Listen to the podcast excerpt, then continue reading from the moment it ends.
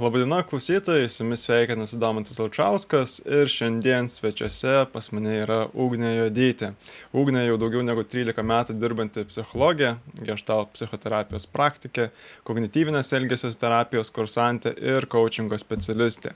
Dirba su individualiais klientais organizacijom veda mokymus, rašo straipsnius apie pažinimo, pagalbą savo veikiant emocinius sunkumus temomis, yra baigusi sąmoningo dėmesingumo, mindfulness, metų trukmės mokslus, sąjungo, psichologų sąjungos ir Lietuvos įsinsąmonimų grįstų psichologijos asociacijos narė ir jos ekspertinės rytis yra perdegimo, pervargimo ir streso įveikos būdai, apie kuriuos mes šiandien ir pašnekėsim. Tai labas, Ugne.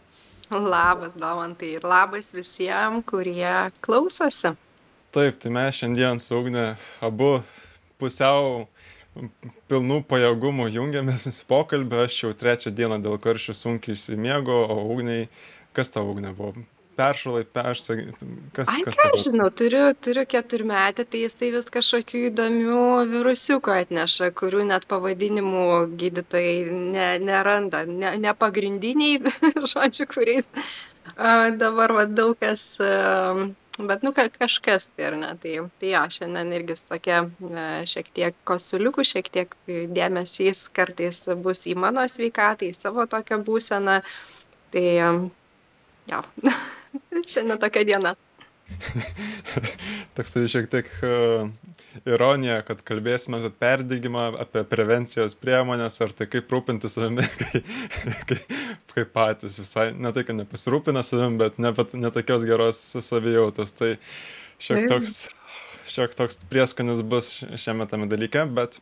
Geras, ką? manau, bus. Labai geras, nes e, paskui va irgi pasikalbėsim, žinai, kai apie perdėgymą giliau, bet vienas iš dalykų yra, mes į perdėgymą neinam tada, nu, galim taip stipriai neiti, kai turime prasmingų pokalbių, prasmingų santykių. Tai vad man šiandien su tavim susitikimas nu, yra labai prasmingas. Aš tikrai labai nu, jo laukiau, labai noriu apie tai kalbėti. Tai aš manau, kad tai, e, tai gydančiai veiks. Manau, kad labai labai viskas čia gerai. Na, ačiū tau, labai malonu girdėti. Tai ką, pradėkim ir pradėkim nuo pačio perdėgymo. Man atrodo, kaip ir visi žinom, kad į patį perdėgymą pagrindę veda patys įstikinimai. Ir pats stresas, kurį sukelia įstikinimai, o ne pats darbo krūvis.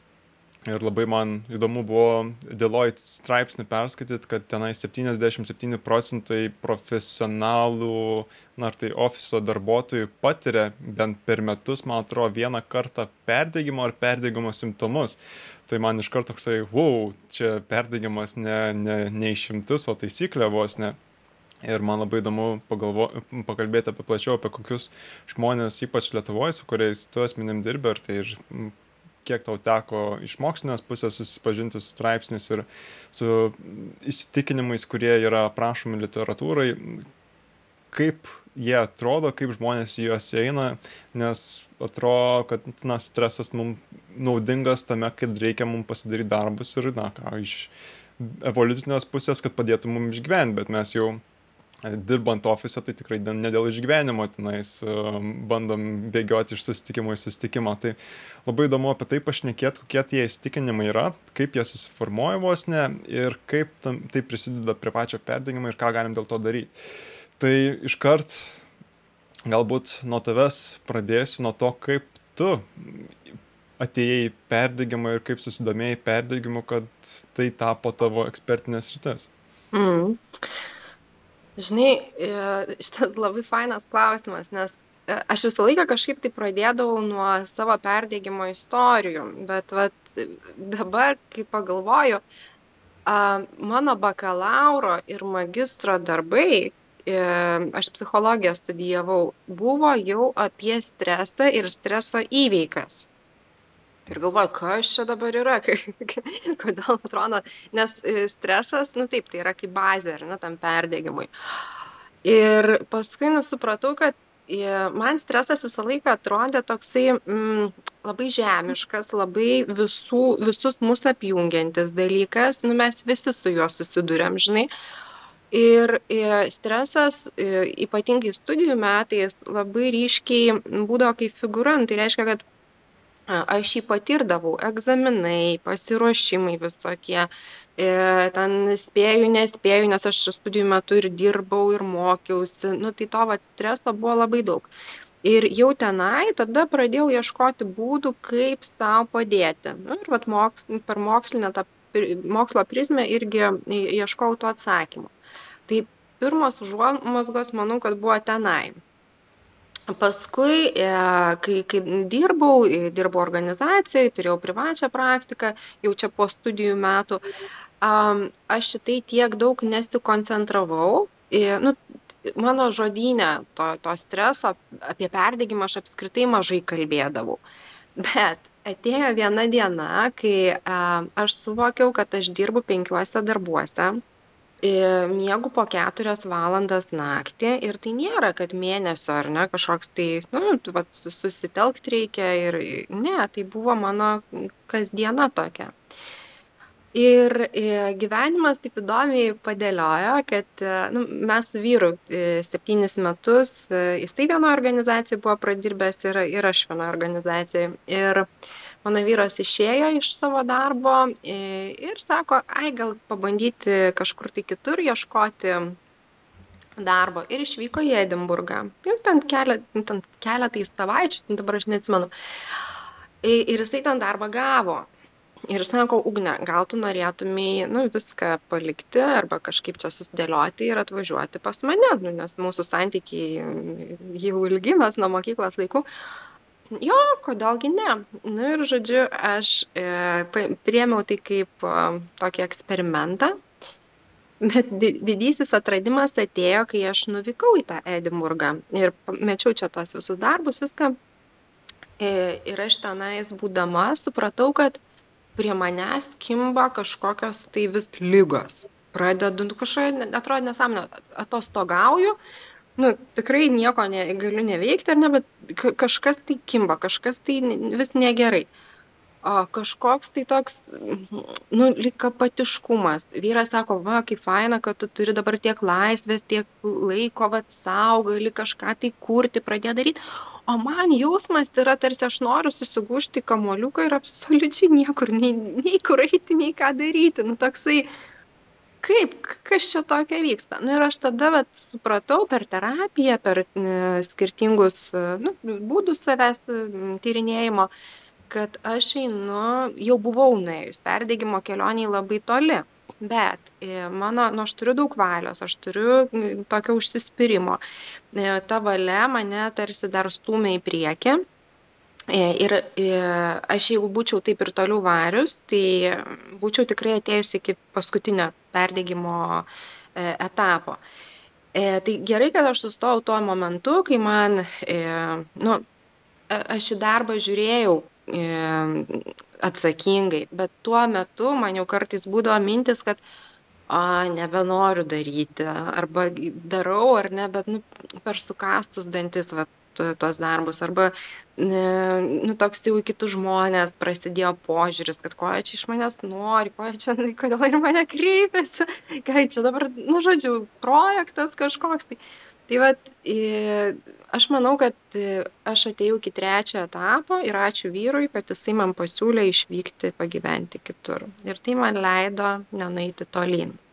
Ir tada prasidėjo domėjimasis apie tą patį perdėgymą, E, kaip, kaip savo padėti. Man iš tos būsenos truko išeiti e, pusę metų.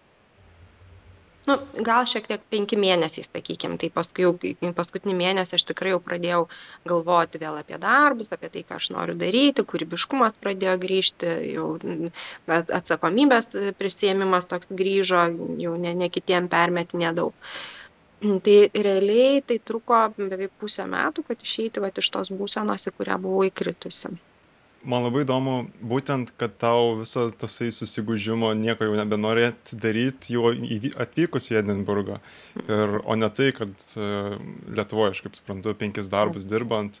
Ko, ko, kaip man labai įdomu, dėl ko pasireiškia būtent tokia reakcija, kai jau metei tos darbus ir atsirado daugiau laisvo laiko, kodėl būtent tada jau atsirado visa ta apatija? Na tai aš galvoju, kiek reflektavau, kad tai yra labai susijęs su perfekcionizmu. Tai perfekcionizmas man padėjo varyti tuose penkiuose darbuose ir savo sakyti, ugne, jeigu pažadėjai, turi padaryti, ar ne, nu, vat, ir, ir spausti save. O tada, kai jau atsipalaidavau, nu, vat, tada viskas, žinai, išlindo tie tikrieji poreikiai, kuriuos aš e, slapinau, e, nu, tos emocijos, jausmai, kūno būsenas, kurių aš stengiuosi, jos buvo, jos aišku, kad buvo, jos davė apie save žinoti, bet aš, nu, jas slopinau, aš jų stengiausi negirdėti. Per tai, kad, nu, žiūrėk, kūnas reikalauja miego, aišku, ar ne dėmesys, ten fokusas išsi, išsitaškęs, bet aš gi esu pažadėjusi, kad aš padarysiu ir aš per tą privalau, einu ir darau. Tai aš ir galvos skausmo nejausdavau, nejausdavau ten nu, įvairių dalykų, kūno savo nejausdavau elementariai, ką jis tai transliuoja, aš galėdavau būti nevalgius visą dieną. Ir man atrodė, kad, nu, tarsi nieko tokio. Tai aš, kai tau pasakoju, žinai, man dabar jau mažiau to gėdos jausmo, bet aš anksčiau labai patirdavau, todėl kad galvodavau, kaip psichologė gali iki tokio dalyko ateiti. Na nu, ir vat, paskui, kai domėjausi, tai kai sakė apie žmonių sritis ar ne, kas su tuo susiduria, tai nu, ir pasirodo, kad psichologai, vadovai, apskritai davėjai, tie, tos profesijos, kurie, kur labai daug duodama kitiem, e, tai ir yra toj rizikos grupiai, kurie taip nu, labai dažnai ir patiria. Dėl ko gavėjai? Dėl ko būtent gavėjai daugiausiai patiria perdegimo? Davėjai, tie, kurie duoda. Jo, ko? Tai, jo, nes e, aš, pažiūrėjau, tu paprašai manęs kažko tai ar ne, ir aš sakau, taip, gerai, taip, ar ne, man neleidžia mano įsitikinimai, vat, apie ką tu pradžiai kalbėjai, a, pasakyti ne, neleidžia e, nubrėžti ribą laiku, ar ne, ir aš tau noriu duoti. E, tie patys, pavyzdžiui, gydytojai, pagalvok, jie yra labai dideli irgi davėjai. Nu, ir psichologai, terapeutai, coachingo specialistai, čia irgi prie to paties aš priskiriu. Paskambina klientas, ar ne, nu gerai, nu pakalbėkim dar, nu gerai.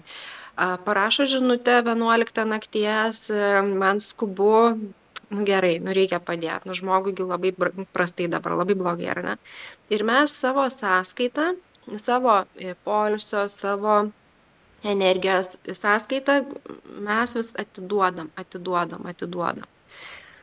Ir, ir ant tokių žmonių sukasi pasaulis, viskas yra labai gerai, bet e, mes, reiškia, turim mokytis stiprinti ir kitą dalį, pajausti, kur yra ta mano riba, kad, nes ateinam iki to etapo, kai pradedam duoti tai, ko neturim. Mano atveju tai buvo, nes aš neturėjau resursą, bet kitiem žmonėms stengiausi jį kažkaip tai dalinti, ar ne? Ja. Paradoksaliai skamba.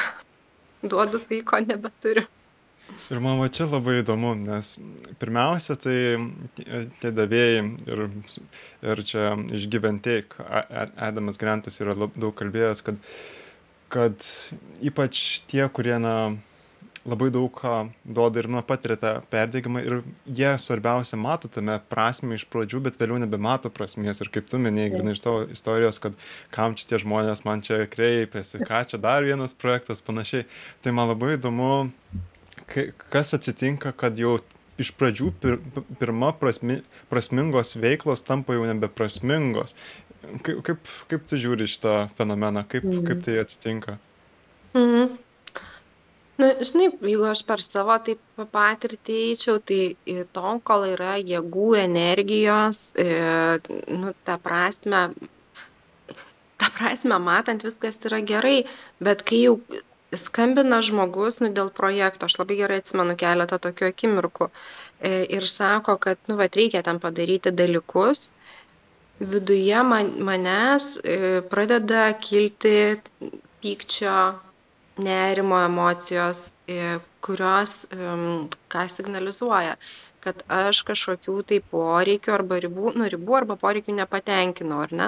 Ir tada apie kokią prasme prasmė didžiausia yra, e, ką sako visas kūnas, vis, visi dalykai, ar ne, kad atsigręžk į save ir duok sau tai, ko tau labiausiai reikia, nes ilgai labai to nedarai. Tai vad, man atrodo, ta prasme, jinai nu, labai gražiai turėtų atsisukti į mus ir atsisuka, ir kūnas tai padaro, mūsų psichika tai padaro. Tai prasmė niekur nedingsta, plačiaja prasme, ar ne, bet santykė, pažiūrėjau, su klientais, tam projektuose prasmingose, jinai savaime pati nedingsta, bet man atrodo tiesiog tuo metu ta būsena, jinai kažkaip tai tą fokusą ir prasme perkelia į kitą vietą. Tai man prasminga turėtų, ką kūnas sako, turėtų būti pasirūpinti savimi, o ne atsakyti į dar vieną laišką ar padaryti dar vieną darbą. Mm. Prasmės, plačiaja prasme nedingsta, bet jinai pers, persikelia tam tikram tarpsniui, perke, perkeliamas fokusas, man atrodo. Man taip atrodo. Mm. Ir man čia labai gražiai siejasi su e, Clarko Holo e, poreikių teorija. Mhm. Kad mes turim skirtingus poreikius ir tam tikros poreikiai turi skirtingą dabar vertę, stipr, stiprumą, mhm. ar tai, kaip jis įsireiškia, valentingumą, ne, ne valentingumą. Žodžiu, kad pats mhm. visas vertės svoris to poreikio yra žymiai didesnis negu kitų ir jis apsprendžia mūsų elgesį. Tai jeigu, sakykime, miego poreikis ar poilsio poreikis yra svarbiausias ir, ir, ir, ir, ir jis turi didžiausią, sakykime, potencialą, kad jis aktyvuosis tasai veiksmas, kad mes eitume dabar ilsėtis, bet kažkas paskambina 11 nakties, tai aišku, kils pirmiausia ir sulys ir antra, kad pradėtum dirbti, kad kitą elgesio reakciją iššauktum, tai reikia, man atrodo, labai daug resursų iš savęs įdėti, kai jau tau reikia ilsėtis. Tai man atrodo, kad mes turim skirtingus visokius poreikius ir e, tame, kad jau pirmiausia, taip teikia prasmės, kadangi mes na, esam palsėję, pamiegoję, tenais pabendravę su žmonėmis, o tada jau, kai viskas šito išsenka ir reikia atsistatyti resursus, tai mes iš tuščio bako bandom toliau judėti ir tuomet, man atrodo, jau o čia ir atsiranda, kai stresas pagrindinis variklis, kuris veža judėti mhm. priekio, ne tai, kad iš energijos, iš aistros, iš, iš noro kitiems, nes jau to noro nebelieka. Noro yra ilsėtis, nori savim pasirūpinti, o ne kitais. Tai, okei, okay, labai, labai įdomu ir man labai, labai, labai džiugu, kad tokia asociacija tie, beklausant tavęs apie mhm. taip, kaip perdėgymas ateina. O man, žinai, dar labai įdomu, kodėl tu vat, dabar irgi pakvietei apie tą perdėgymą pasikalbėti kartu. Nes, žinai, ką aš matau, kad e, žmonės, kurie nu, vat, kviečia gerai, ar interviu, ar kažką, tai kažkoks santykis su tuo yra. Kokia tavo istorija?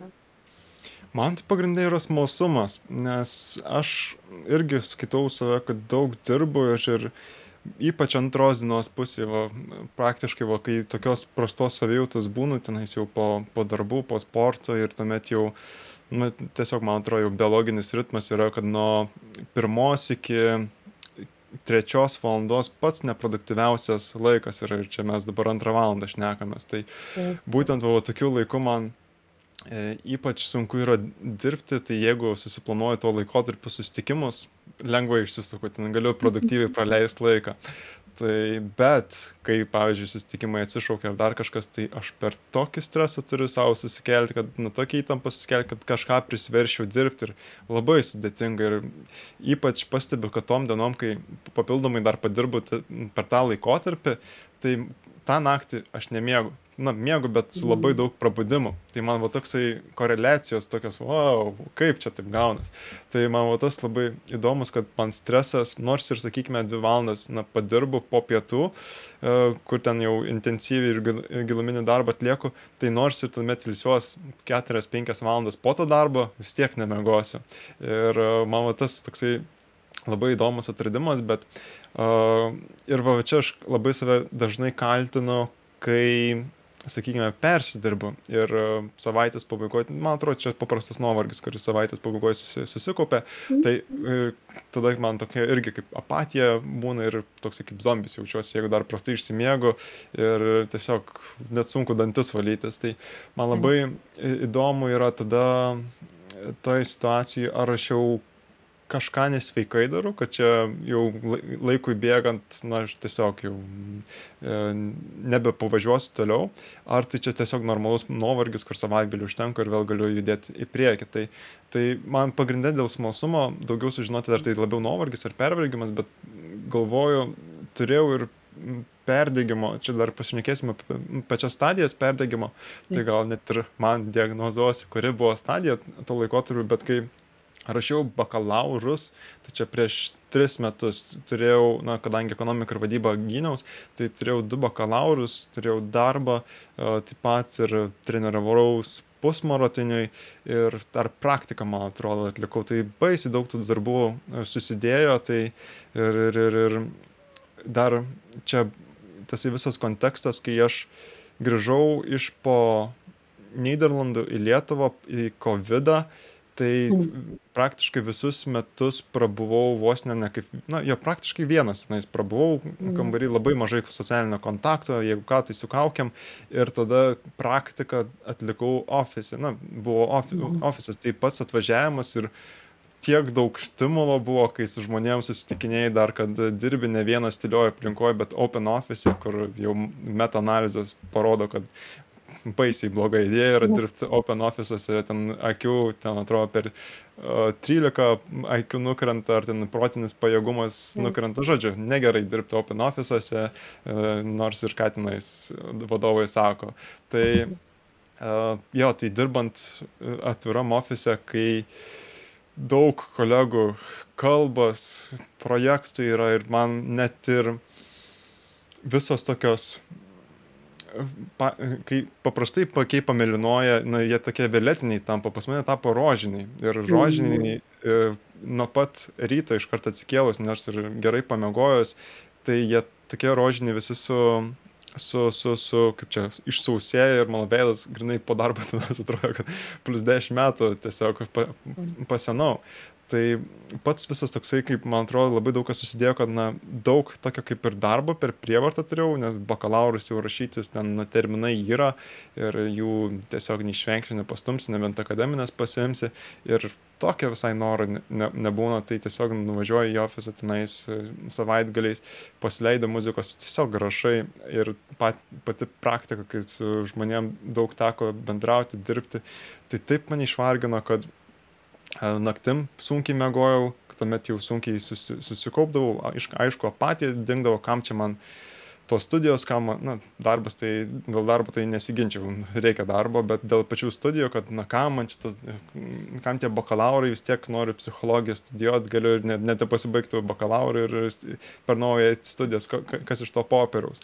Na tai ką, tai buvau jau vos ne kaip ir ant ribos metant studijas, bet tada tenais turėjau coachingo sesiją ir būtent iš coachingo sesijos tenais išgirst save ir išgirst, kaip mane atspindi, kad aš čia jau taip galvoju, kad o čia, Domantai, kiek tau daug skausmų, kiek čia beprasmybės, matai, ar rimtai visos tos stu, tokios studijos tau jokios naudos nesuteiktų ir nematai nei vieno pozityvaus dalyko, kas būtų iš studijų pabaigimo, aš toks, na, tuo momentu tai sakau, ne, tikrai nėra nieko gero, bet po to mintys tiesiog vis ties to klausimu būna, būna ir aš toks, nu ne, nu, vis tiek pasibaigsiu, aš tenais nebuvo, kad e, net nepradėjęs bakalaurus rašyti, gal 80 procentų buvau pasirašęs visko ir vis tiek norėjau jau pasibaigti, net, nes pačios ten tos praktinės detalės, metodiniai tvarkymai labai man nepatinka ir daug energijos reikalauja. Tai pagrindė jau, kai paskutiniai žingsniai buvo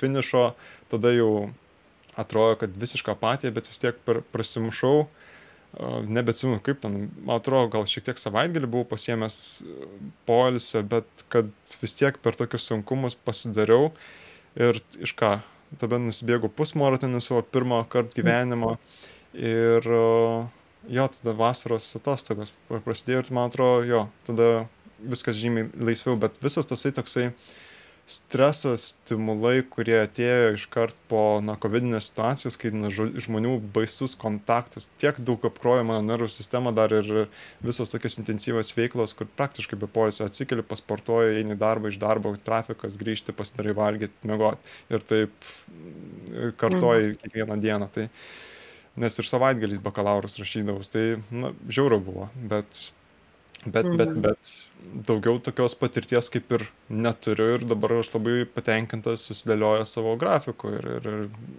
nežinau, kaip dabar aš noriu gražinti tau žodį apie pačias stadijas, kaip tu manai, kokioj stadijai buvau ir galbūt pirmiausia pasidalink apie pačias, pačias stadijas. Mhm.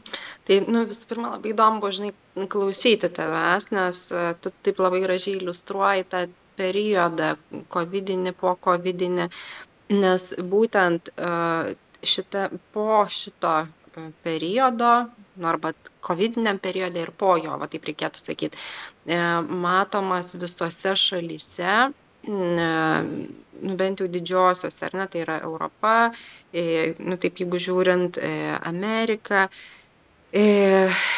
stebimas šuolis pačios, pačio perdegimo, jų labai labai nu, kiekiai didėja. Ir arba dėl priežasčių, kurias tu įvardinai, arba dėl to, kad COVID metu žmonės labai sunkiai galėjo atskirti, kur yra darbas, kur yra polis, nes viskas susiplakė.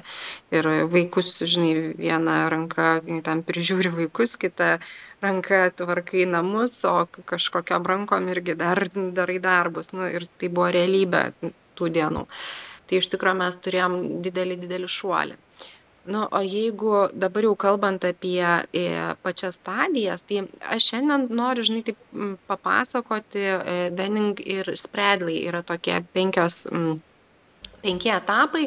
Tai nėra auksinis standartas, bet e, jos labai gražiai parodo, e, kaip mes galime, kokia, kokia gali būti eiga apskritai, nes e, mokslininkai iš principo sutarė e, dėl to, kad tai, tai nėra, žinai, kad va, šiandien gyvenu gerai, o rytoj va, papuoliau į perdėgymą. Ne, ten, ten yra tam tikri žingsniai, tam tikri etapai, kaip mes iki to ateinam. Tai va, papasakosiu, kaip kiekvienas etapas atrodo, o tie, kurie norite taip jau detaliau save patyrinėti, pasižiūrėti, labai rekomenduoju yra Maslach e, perdėgim Burnout Inventory, toks klausimynas. Ir jisai yra ir Lietuvos rinkai, nu, pa, pa, ne, nepilnai adaptuotas, sakyčiau, padaptuotas šiek tiek, ar ne, nes yra išverstas e, yra jau, nu, ir ne, taip plačiausiai naudojamas ir toks jau kaip galvom, nu, kokybiškiausias, ar ne, instrumentas, su kuriuo mes galim pasimatuoti, kurioje mes ten stadijoje, kur mes esame. Tai vat, įsivedus į Google galima rasti per užsieniečių žodžių lietuvišką versiją legaliai nusipirkti ir pasidaryti. Tai labai labai rekomenduoju, nu, tikrai verta patyrinėti o šiandien susipažinimui tokiam taip taip dabar pirmasis etapas yra vadinamas labai gražiai, tai yra medaus mėnesio etapas. Tai reiškia, kad mes, kai ateinam į darbą arba kažkokį naują projektą, ar ne, mes dažniausiai jaučiame, kad turim labai daug energijos, turim labai daug optimizmo tokio. Jeigu kas klausia, ar gali išspręsti problemą, mes sakom, taip, aš tikrai galiu, nu, žinai, tokį atsakomybę prisimti norim, norim būti matomi, norim, čia aišku, atsižvelgiam į esmę asmenines savybes ar ne kiek to yra bet nu tokia bendra tendencija yra kad mum malonu tai yra. Norim būt pastebėti jeigu kalbam apie kūrybiškumą nauj naujus dalykus reikia sugalvot tai vau čionai yra aukštumose ar ne aš galiu tai daryt aš noriu produktyvumas aukštas. Ir jeigu žmogus sako man vat patinka tai ką aš darau vat taip gerai aš jaučiuosi labai dažnai atsitinka kad jis dar daugiau laiko tai veiklai pradeda skirti ir po biškį prasideda paėmimas dėmesio ir laiko nuo savo asmeninių poreikių nuo draugų kažkokių nuo miego e, šiaip laisvalaikio ar ne sporto galbūt. Ai sako pasportuosiu rytoj šiandien darbą dar pabaigsiu. Taigi taip faina dabar su komanda varom gerai. Tai ši vat pirmasis etapas. Jeigu mes čionai save po biškį pradedam pamirštinėti tada mes einam perdegimo kelionėje tolyn. Ir antrasis e, etapas yra vadinamas streso pliūpsniu. Tai šitame etape gali ateiti nerimo jausmas toksai, ar ne, kad kažkaip ne viską čia spėjau, tiek prisižadėjau, žinai, visi man darbus pradėjau krauti arba nu, pradedu pasimti, ar ne, ne viską spėjau. E, ryte atsikeliu ir jau, pavyzdžiui, su nerimo jausmu, ar ne, kad, o Dieve, nespėsiu tiek padaryti, kiek, kiek kiek čia nais, vat, atrodo, e, nežinau, yra suplanuota. Atsiranda apetito pokyčiai. Vieni žmonės kaip tik nustoja valgyti ir, pavyzdžiui, tam nu, sako, ai, aš pavalgau, e, mane pamaitina darbas arba emocijos arba santykiai, tokias frazes girdžiu arba kaip tik e, pradeda labai didelius kiekius valgyti, todėl kad e, energijos reikalauja kūnas, nu jeigu vat, jaučia tai ar ne, tai žmogus. Bet dėl maisto labai įdomu irgi, um, nu, aš čia neturiu jokio tyrimo pagrindžiančio, bet uh, iš vat, klientų, su kuriais dirbu, čia maistas prasideda toks, žinai, čipsiukai, nu, greiti angliavandeniai, kažkokie kavytė, jeigu taip žiūrint ir kiekiai jos didėja. Ir kas atsitinka? Nu, mes pradedam išsibalansuoti, ar ne? Ir žmogus sako, kažkoks aš čia dirglesnis esu negu, nu, taip jau įprastai. E, ten kolega mane pakalbino, o aš jam jau norėjau tiesmukai taip atsakyti. Um, tai žmogus pradeda jausti pokytį. E, jeigu žiūrint biologiškai taip, ką jisai ir nepatiria, sako, e, mano pulsas e, aukštesnis dažnai, ar ne, arba kažkoje širdis vat plaka ir girdžiu net, ne, kartais girdžiu, sako, netgi kaip, kaip tai vyksta, arba, sako, net, nu, jaučiu, kaip kūnas, nu, tą intensyvumą jisai pradeda jausti. E, čia gali būti galvos skausmai, bet vat, su galvos skausmais, kaip man buvo atsitikę, aš iš pradžių juos jaučiau ir vat, manau, kad tada ir buvau būtent antroji stadijoje, bet trečioji, ketvirtoji kokia būna taip, kad e, mes savo kūno, nu, tarsi pradedam pojūčius nukertam. Ir tik tai tada, kai sustoju ir ten, pavyzdžiui, prieš miegą, va tada kažkoks galvos skausmas pradeda jaustis. Bet jeigu mes steb, pradėtumėm save stebėti visą dieną, tai greičiausia galvos skausmą ar ten skrandžio skausmą kažkokį daug anksčiau galėtumėm pamatyti. Ir su tuo galvos skausmu, kaip pavyzdys, žmogus praktiškai visą dieną išbūna tai nu vat jeigu žmogus į terapiją ar pas specialistą kažkokį ar ne eina tai jis gali labai greitai užčiuopti tokį pokytį Dar labai įdomus momentas, čia jau mokslo pagrįsta yra, e, šitie žmonės antrame etape dažniau pradeda dantim griežti. Tai vat, antra pusė gal ar kažkas tai miega šalia gali tai pastebėti. Arba jeigu programėlės, e, ką aš prašau, at irgi žmonių, kad jie e, naktimis įsijungtų e, savęs stebėjimo programėlės, kur fiksuoja garsą į, į, įvairius nu, e, triukšmus ir sako, va, užfiksavo, kad dantimis griežiu. Kodėl taip atsitinka? Dėl to, kad e, įtampos daugėja, mūsų žandikaulis irgi įtemptesnis ir mm, dantų griežimas atsiranda. Um, kas čia gi dar svarbaus. E, nu produktyvumas dėl visų šitų dalykų nu, pradeda kristi po biškį. Nėra jis dar drastiškas toks labai bet jau jau jau galima pamatyti tai. Ir e, su produktyvumu dar ir apie miego kokybę čia būtų svarbu užsiminti nes ir miego kokybė irgi gali prastėti. Tai žmogus arba trumpiau miega ir sako ketvirtą nakties atsibundu ir negaliu užmigti niekaip arba kaip tik vakare sako aš atsigulu ir negaliu užmigti dėl to kad e, mintys sukasi apie darbą ko aš nepadariau ką ką aš dar esu skolingas nusprendžia problemas atsigulę ir vat irgi tas užmigimas e, pradeda strigti tai vėlgi jeigu mes nieko šitame etape nedarome einame kelionėje tolyn. Ir trečiasis etapas yra vadinamas e, lėtiniu stresu. E, tai vat, šitoje stadijoje jau atsiranda ryškesni elgesio pokyčiai. E, gali būti, kad žmogus pykti pradeda kažkaip tai išreikšti nu, kitokiu būdu. Jeigu anksčiau galėdavo tiesiog pasakyti, kad aš supykau ar ne, pakvepuoti ir nurimsta, tai dabar gali balso pakelimas atsirasti, arba koks durų trinktelėjimas, žinai, arba, nu, kažkokie tai elgesiai, kurie jau tokia išorinė agresija eina. Gali atsirasti apatiškumas, e, kai kolegos sprendžia kažkokį vat, labai rimtą klausimą ar net ten iššūkį, ar ten kažkokie su nemalonumais susiduria, o man jausmas toks, e, kažkaip tai, nu toks, jau ne, nebenoriu ar ne šitai lysti. Lėtinis išsekimas stebimas. Nu, čia jeigu kalbant apie kavą, kofeiną, tai čia kiekiai labai ryškiai didėja. Tarp kitko, ne tik kava, bet ši, čia atsiranda didelė rizika alkoholio arba narkotikų vartojimui. Būtent šitame etape. Ryte, kai atsikelia žmogus, jisai jau pavargęs yra.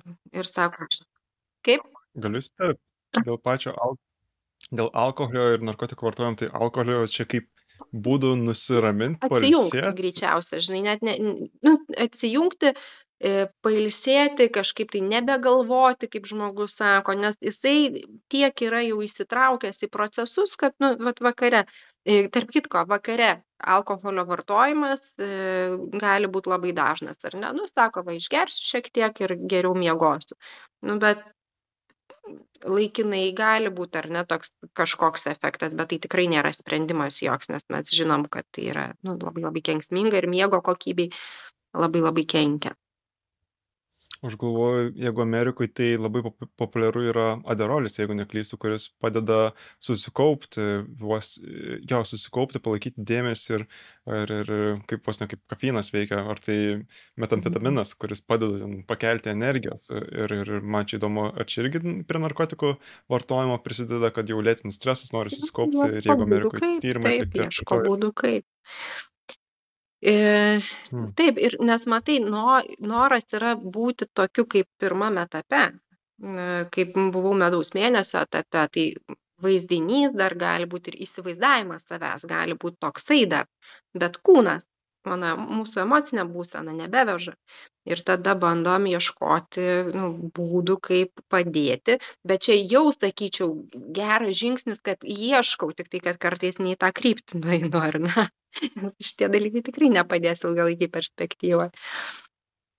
Na, okei, prašau, tęsk savo e, kelio, perdegimo kelionę, nes labai vaizdžiai su istorijom pasakoji, Kaip labai malonu klausyti. Taip, tai čia va dar irgi, kas yra būdinga trečiam etapui. Jeigu dar žmogus pirmam, antram, jisai turėjo kažkokius pomėgius ar ne ir dar kažkiek juos tenkindavo, tai trečiasis etapas yra, jau kai žmogus ateina ir aš klausiu, sakau, žiūrėk, ką tu, e, ką tu mėgsti daryti. Nu, mėgau knygas skaityti. Ar tu dabar atsiverti knygą? Mm-mm, ne, nebe. Arba mėgdavau bendrauti, mėgdavau vat, į tas pačias kokias konferencijas eiti, dar kažkaip tai gali būti kaip pomėgį, ar ne, irgi.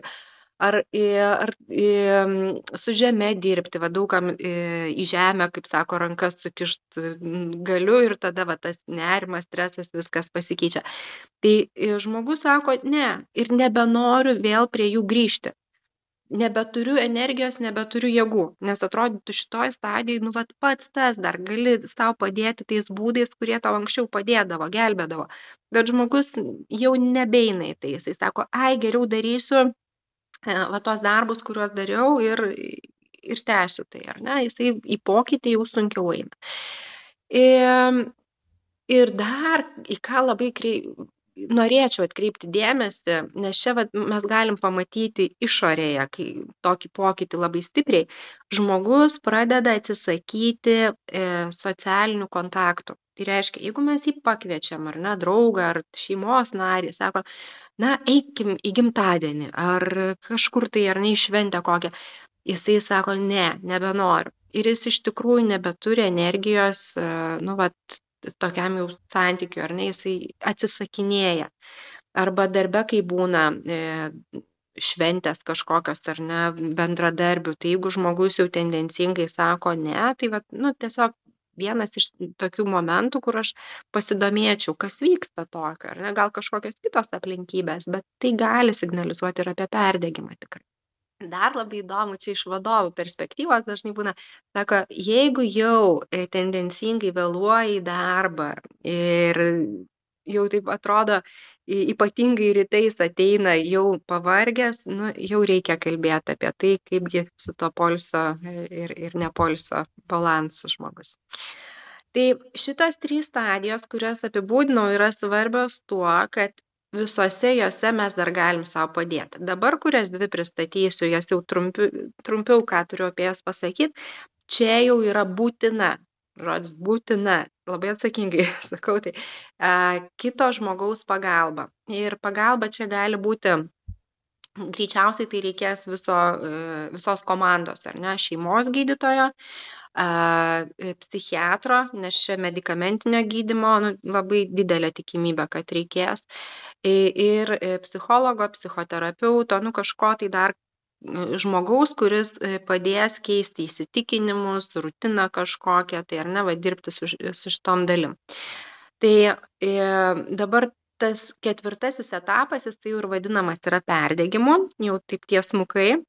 Čia labai aiškiai mes jau pamatome žmogaus elgesio pokyčius, netgi e, turiu tokius e, atvejus, kai pasakoja Sako, sutikau žmogų po pusės metų ir sako, atrodo, kaip kitą žmogų matyčiau. Tai va tas irzlumas, pyktis, užmaršumas, visi dalykai sukrenta ir, ir mes sakom, kad atrodo žmogus labai pasikeitęs. E, žmogus gali būti, kad vaikšto e, pas gydytojus, e, ieško lygų įvairių, todėl kad jam tai galvas skauda, tai skrandi, tai žarnyno problemos kažkokios. Bet gydytojai sako, mm, jokių lygų nėra, eikit gydykitės stresus ir, na, žodžiu, tai šitus dalykus. Ir žmogus čia pyksta, todėl kad sako, kad nesąmonė gydytojai sako, nu man čia taip negali būti, nu, žodžiu. E, jisai nori iškristi jau visiškai iš visuomenės, jeigu tenais dar trečioji stadijoje, nu, sakykime, kartą dar per pusę metų naidavo į kokį gimtadienį, tai čia jau niekur jis nebenori, ir neina. E, su, su šeima, net atsiskirimas toks nuo šeimos būna, nuo artimų žmonių. E, kai klausiu, kaip tas žmogus jaučiasi, jis sako, jaučiu tuštumą. Yra mano, bet būna net krūtinės rytys, jis sako, čia atrodo kaip skylė būtų kažkokia. Tai, tai. Ir, ir šitas žmogus jau šitam šitoj stadijoj esantis jis dažnai nebemato išeičių ir jų jų nebeieško. Jisai mato problemas aplinkui. Kad e, nuo valstybės ar ne kad valstybė blogus sprendimus priiminėja iki darbo bendruomenės kažkokios šeimos visur yra problemos ir visi yra kalti ir blogi. Man čia vat vargšui dabar į tokią būseną mane stumia, ar ne, kai aš čia nieko nebenoriu, niekas nebeįdomu. Pesimistinis požiūris į gyvenimą, į, į draugus, į, į viską į darbą. Ir fiziniai simptomai čia jau sustiprėja, nepasitikėjimas savim labai auga ir socialinė izolacija, nu apie ką kalbėjom, irgi, irgi išauga. Na nu, ir jeigu vėlgi nieko nedaro žmogus, ateina iki penktosios stadijos, kuri vadinama yra lėtiniu perdegimu ir čia yra lėtinis e, psichinis fizinis nuovargis e, lėtinis liūdesys ir labai dažnai eina depresija šalia. Tai va penki penki žingsniai penki e, etapai tokie kurie man atrodo labai gražiai gali padėti suprasti maždaug kur aš esu ar ne? Čia tikrai jeigu galvojam kad einam perdegimo kelionę į savidiagnostiką nu aš nerekomenduoju kad vien tik tuo užsiiminėti ar ne bet bent suprasti kad kažkas su manim vyksta ir galbūt tai perdegimas ir reikėtų ieškoti išeičių su specialistų pagalba. Tai vat, manau, tie penki etapai tikrai padeda susivokti, kas yra kas. Ir man labai įdomu dėl paskutinio etapo, kad mini, kad čia būtina jau kitų specialistų pagalba. Ar čia manai, kad jau labai maža tikimybė, kad pats žmogus išeis iš tos Taip, jis neišeis, todėl kad jis nebeturi resursų. Jam, je, jisai, e, jeigu turi poreikį, nusakykime, ar ne, e, lūpos jau suskeldėjusios, sausos, ar ne, ir tai, tai, tai, tai gali, kaip čia pasakyti, yra ženklas, kad tikrai žmogui reikia e, skyšių tačiau tas žmogus nenueis ir neatsigers. Jam lašelinės lašina, ar ne? Nu, tai yra jau kitokia pagalba visiškai. Jisai savo nebepadeda. Tai čia man šiek tiek sunku įsivaizduoti dar ketvirtą perdegimo grinai stadiją. Tai kiek čia žmogus yra funkcionalus, sakykime, darbo prasme, kiek jis tai gali atlikti, ar čia jau visai toksai tendencingai vėluoja, visus kaltina, yes. nieko nepasidaro, jo, visur jo, problemos. Tai, tai, ką tu sakai. Yra tai, ką tu sakai jisai dar gali fiziškai ateiti kažkur galbūt, ar ne, bet nu, tai yra labai labai sudėtingas jų etapas. Ir man tada šiek tiek įdomu populiariojoj, kaip čia, mhm. ne psichologijai, bet publikui, kai vartojamas žodis perdegimas. Tai kokie mitai aplink tai sukasi ir kaip neteisyklingai, ar tai man labai įdomu, nes perdegimas va tokioje situacijoje, kai jau žmogus visai negali pasirūpinti savimi reikalinga specialistų pagalba, nu, tai reiškia visai ką kitą negu tai, kaip mes vartojame atrodo kasdieniai kalboje, kad aš jau perdegau, čia jau viskas nebegaliu pas, prisimti vieną projektą, turiu keturis kitus. Tai man čia tada pagal šitą tavo pavadinimą, mhm. žmogų pavargęs galbūt, arba tiesiog mhm. ir viskas. Tai man įdomu, kokie mitai ar kaip neteisyklingai vartojamas perdegimas yra, nežinau, populiariojais. Taip. Tiesiog. Tai aš manau, žinai, kad va, tai, ką tu paminėjai, tai gali būti ėjimas link perdėgymo, ar ne? Ir tai va, aš tai labiau traktuočiau, kuriame etape aš esu. Nu, nes mes visi kažkuriame etape esame. Tai gal, va, jau čia yra koks trečias etapas, jau galima kalbėti apie tai. Bet e, jeigu taip pasižiūrėjus, ką kalba e, nu vat socialiniuose tinkluose spauda tai e, arba draugai aplinkui tai perdegimą jie daug dažniau naudoja e, paprastam pervargimui. Ir aš kad atskirčiau aš labai paprastai tai žiūriu. Jeigu aš na sakykim dirbau du mėnesius labai labai intensyviai ar ne bet pasidariau dviejų savaičių atostogų pertrauką ir po tų dviejų savaičių aš vėl jaučiuosi energinga norinti galinti daryti ir ir viskas yra tvarkoj. Tai čia yra pervargimas. Tačiau jeigu po tų dviejų savaičių aš vėl grįžtu į darbą ir aš nu man sunku pakelti vėl nežinau dokumentus kažkokius aš ne nenoriu dar vis nenoriu nieko daryti tai tada galvočiau kad tikrai labai labai intensyviai kažkuriam jau perdegimo nu etapų esu ar ne kažką tai reikia daryti. Um, gali būti, kad, nu, aš apskritai rekomenduoju tokį testą pasidaryti žmonėm, kuriem vat, įtariam, kad jie jau labai tolyn eina. Sakau, pasimkite mėnesio atostogas, netrumpesnės negu mėnesio atostogas. Ir per tą mėnesį visiškai atsijunkite nuo darbų, nu, tradicinių, jeigu požiūrių žiūrim, ar ne? Va čia mini pauzę tokią darau, todėl kad žiūrėk, vėlgi mitas ar ne, kad e, perdegimas visą laiką yra susijęs tik tai su darbinė veikla. Ne, taip nėra. Nors mūsų e, jeigu mes dabar pas medikus nueitumėm ar ne jie galėtų diagnozuot perdegimą iš principo ir jis yra apibrėžiamas kaip darbinės srities. Ir tai yra toks aš galvoju kad istorinis palikimas. Bet perdegimą mes tikrai galime patirti visus tuos pačius simptomus e, kai vaiko priežiūros atostogos arba pavyzdžiui kai būna negalia kokią turinčią ar ne artimuosius žiūrim. Lygiai tą patį mes galime irgi išgyventi. Tai tradiciškai mes kalbam apie darbines sritis bet tikrai praktiškai žinau kad gali gali taip būt ir ir kitose. Ir buvo beje meta analizė irgi vat atlikta labai įdomi.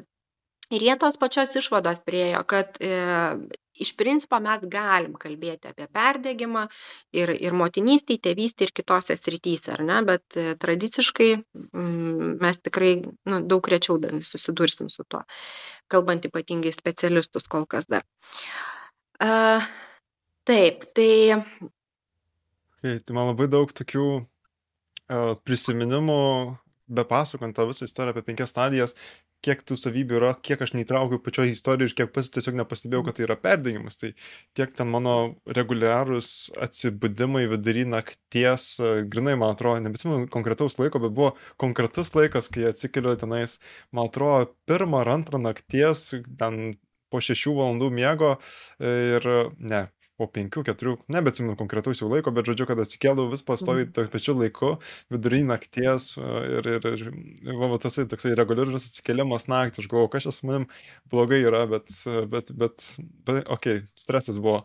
Tai tada man, kas dar labai įdomu buvo, kad pats visas toksai apatiškumas ir energijos nebuvimas, nes aš kai treniravau tuomet pusmaratinį, tai aš per tokią prievartą save iš ryto e, verčiaus bėgti tenais per nenorus ir e, vis sakiau, kad, okei, okay, dabar, nes iki šiol man, e, kai aš atsikeliu, aš labai toksai grumuliuotas, ten, ką čia atsikeliu, taip lengvai nes, nesikeliu ir neprasibūdinu, užtrunka kažkokią valandos. Tai kai prieš pat darbus einu bėgioti, vis laik per tokius labai didelius uh, sunkumus tenais, kadangi kadangi po šaltų dušo atsiprausi tenais, dar toksai stresas, tada išbėgi tenais valandą, nubėgi 10 km, ne, tenais kai treniravausi per 50 minučių nubėgdavau, jo, ten ir trasa buvo kita, tai tenais per 50 minučių 10 km nubėgdavau, visas išsekęs, grįžtų ir ten toksai užkyla, uh, užkyla tokia euforija, nes uh, būtent kai aš save ten baisiai perspausdavau, endorfinai išsiskirdavo ir aš vos ne kaip narkomanas kiekvieną, kiekvieną rytą bėgiodavau ir kad toksai, kad patenkinčiau savo uh, dozę rydenos, tai kiekvieną kartą ten runners high patirdavau ir, ir, ir, buvo tas man labai tiesiog įstrigdavo, kad pabėgioju, iškart pasitaiso savijautą, kol atsiprausiu, pavalgau, nuvažiuoju į darbus, u, iškart vis, viskas nukrenta. Ir um, toksai irgi erzulys kildavo ir eidavau ėjau pas daktarę gydyt na gydyt darytis kraujo tyrimus Mhm. nes tikrai kažkas su su mityba galbūt nes daug ir svorio numečiau tenais nes nu tyčia buvo vasarą ryškinausi Gerai. pilvuką sikspeką tai čia sąmoningai buvo svorio metimas nebeatsimenu dėl apetito man atrodo kad apetitas irgi buvo smarkiai nukritęs bet man iki šiol bėg po bėgimo smarkiai apetitas nukrenta ir labai sunku svorį priaugt tai nemanau kad čia dėl streso galbūt buvo būtinai bet kad patys kraujo tyrimai, viskas tenais tobulą, čiki piki, nieko, nieko tenais blogo nėra.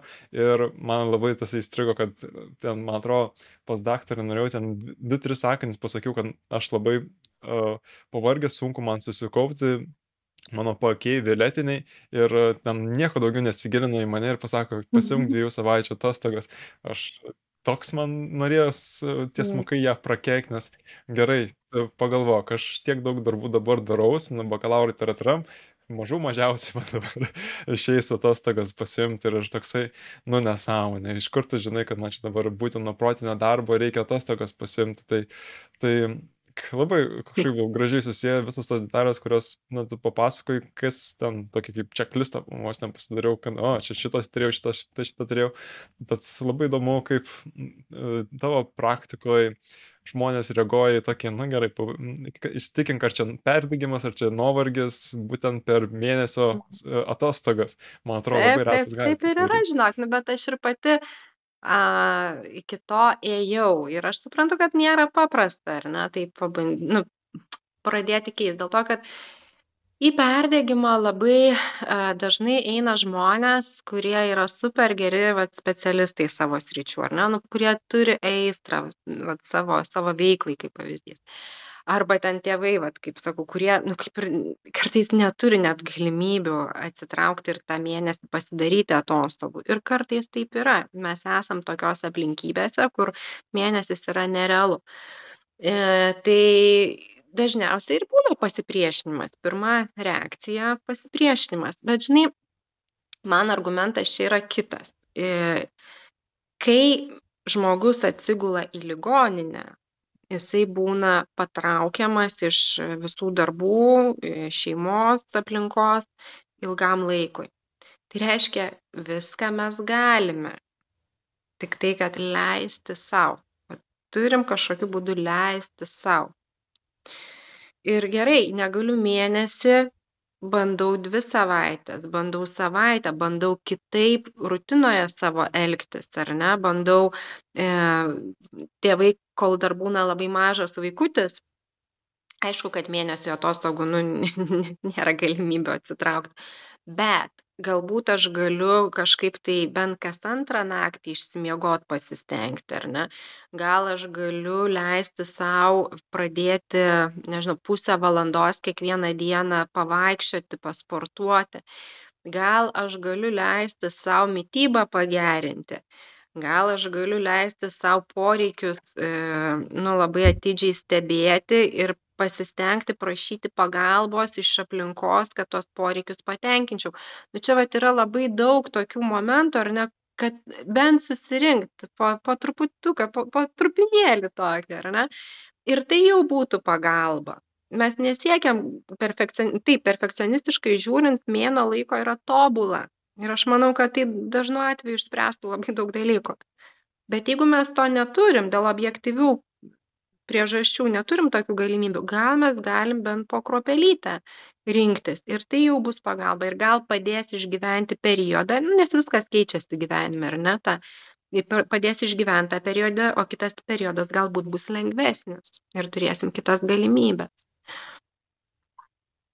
O kaip manai, kodėl būtent nepertraukiamos atostogos ar dviejų savaičių ar mėnesio padeda Nu, Čia, atsistatyti? žinok, turiu labai e, konkrečias patirtis iš tikrųjų, ypatingai su verslo žmonėm, kad, nu, tiesiog taip sukrito, kad kaip, e, klientų istorijas turiu. Tai, e, žinai, po kiek laiko, e, nu, vat, versli, verslo žmogus, vadovas įmonės pradeda mažiau galvoti apie darbą maždaug po dviejų savaičių. Tai reiškia, per dvi savaitės jisai tik bando atsijungti nuo savo darbų. Jo, ta, nes U. labai yra didelis įsitraukimas, labai didelė nu, atsakomybė yra, ar ne? Ir kad mes galėtumėm tas sąsajas bent trumpam nutraukti, mums reikia laiko. Mes į atostogas dažnai irgi ateina žmogus su didelė inercija, su stipria inercija. Ir kad ta inercija su, sumažėtų, mes turime duoti tam laiko. Arba e, galim tada eiti į tokias atostogas, kur e, būsim priversti būti čia ir dabar. Mėno laiko, e, aš manau, reikalingas, kai būnant tokios pakankamai pasyvios atostogos, ar ne? Kai, kai galiu sauliaisti, pagulėti pležiukę, ten kažką pavykti. Bet jeigu aš e, einu į tokias atostogas, kur, nežinau, į kalnus kopiu, kur aš turiu galvoti, kur aš dedu, statau koją, ar ne, tai čia vat, gyvybės ar mirties klausimas jau. Tai aš tikrai būsiu čia ir dabar ir nebebus laiko, kada galvoti apie tuos darbus. Tai tas persijungimas, jisai įvyksta greičiau. Tai tada gal mėnesio nereikėtų, užtektų šiek tiek ir, ir trumpesnio laiko. Bet tai turi būti kažkas tai, kur įspūdžiai paima viršų, ar ne, ir ne, nebegalvoju apie tai, kas liko tenais darbe. Labai įdomu. Labai įdomu būtent, kad per dvi savaitės jau toks įstraukimas būna, kad nežinau, kad įdomu, kaip tas visas dėmesys yra stelkas būtent į Mm. patį darbą ir, ir, kad čia vos ne kaip, nežinau, kokie įsitikinimai aplink yra, tai apsijungia, kad, na, taip dėmesį sutelkia, lyg čia grėstų gy- gyvybei pavojus, kad, na, taip su- sutelkiamas dėmesys. Ma, kaip manai, kokie įsitikinimai aplink, aplink tai yra apsisukę, kad žmogus vis dar apie tai darbą, apie darbą galvoja, ar tai yra čia tiesiog, nu, tiesiog įpročiai tokie susiformavome, kad vien tik apie darbą galvoti. Žinai, gal gali būti ir taip, ir taip, bet jeigu kalbant apie įsitikinimus, tai, a, nu, jeigu, pavyzdžiui, nu, vėlgi aš čia vadovo pavyzdį paimsiu, bet čia gali būti ir kažkokie kit, kitokie.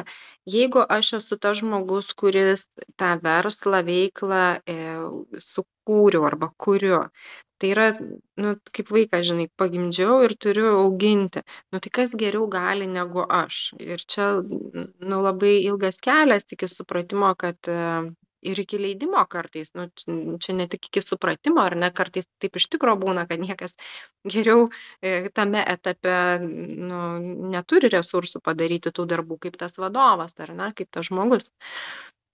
A, tai aš manau tas įsitikinimas, kad niekas kitas geriau negu aš nepadarys ir neįveiks tų užduočių pačiu, pačiu efektyviausiu, pačiu geriausiu būdu. Ir čia labai skaudu tame gaunas, nes jeigu aš tuomet pasiemu atostogas, tai turiu duoti kažkam, kas praščiau Taip. padarys negu aš.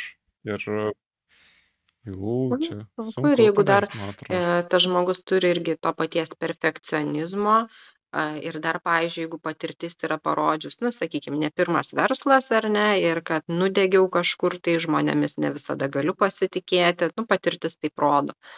Tai yra labai, labai sudėtingas uždavinys. Taip. Nu, bet tada, žinai, aš kažkaip į tą gyvenimą, nu vis tiek turim pradėti mokyti žiūrėti kaip į žaidimą. Nes jeigu va taip labai smarkiai sureikšminam, ir tam tikrą periodą taip gali būti, arba tam tikrais etapais taip gali būti. Bet jeigu mūsų sveikata pradeda labai smarkiai nukentėti, na, tai pasiekmes vis tiek bus labai aiškios. Ar ne, jeigu vadovas perdegs, vis tiek kažkam turėsim patikėti arba verslo žlugs. Man dar įdomu išgirsti iš mhm. ne, ne vadovo, ar tai darbuotojai, ir, ir, ir kokie įsitikinimai ateina čia, man atrodo, galbūt ir panašiai bet galbūt aš įsivaizduoju kad daugiau per patį įsipareigojimą dėl pačius terminus kuriuos pateikia tam tikrus griežtų projektų kad va čia turi būtent padaryt per tokį terminą va tokią kokybę ir nuo projektų gausos ir ir lūkesčių keliamų pačioj darbo atlikimo. Man atrodo čia labai daug prisideda prie pačio perdegimo ir pats toksai kaip įsitikinimas kad viską aš turiu suspėt viskas vos ne kaip ir a gaunasi, man atrodo, jau net ne, nebesidėlioja prioriteto, bet turi daug prioritetų. Nu, praktiškai visas, visos veiklos, kurias atlieka, yra prioritetai ir jeigu kažkas parašo iš kito projekto ar paskambina, tai iškart meta darytis darbus ir reaguoja tai.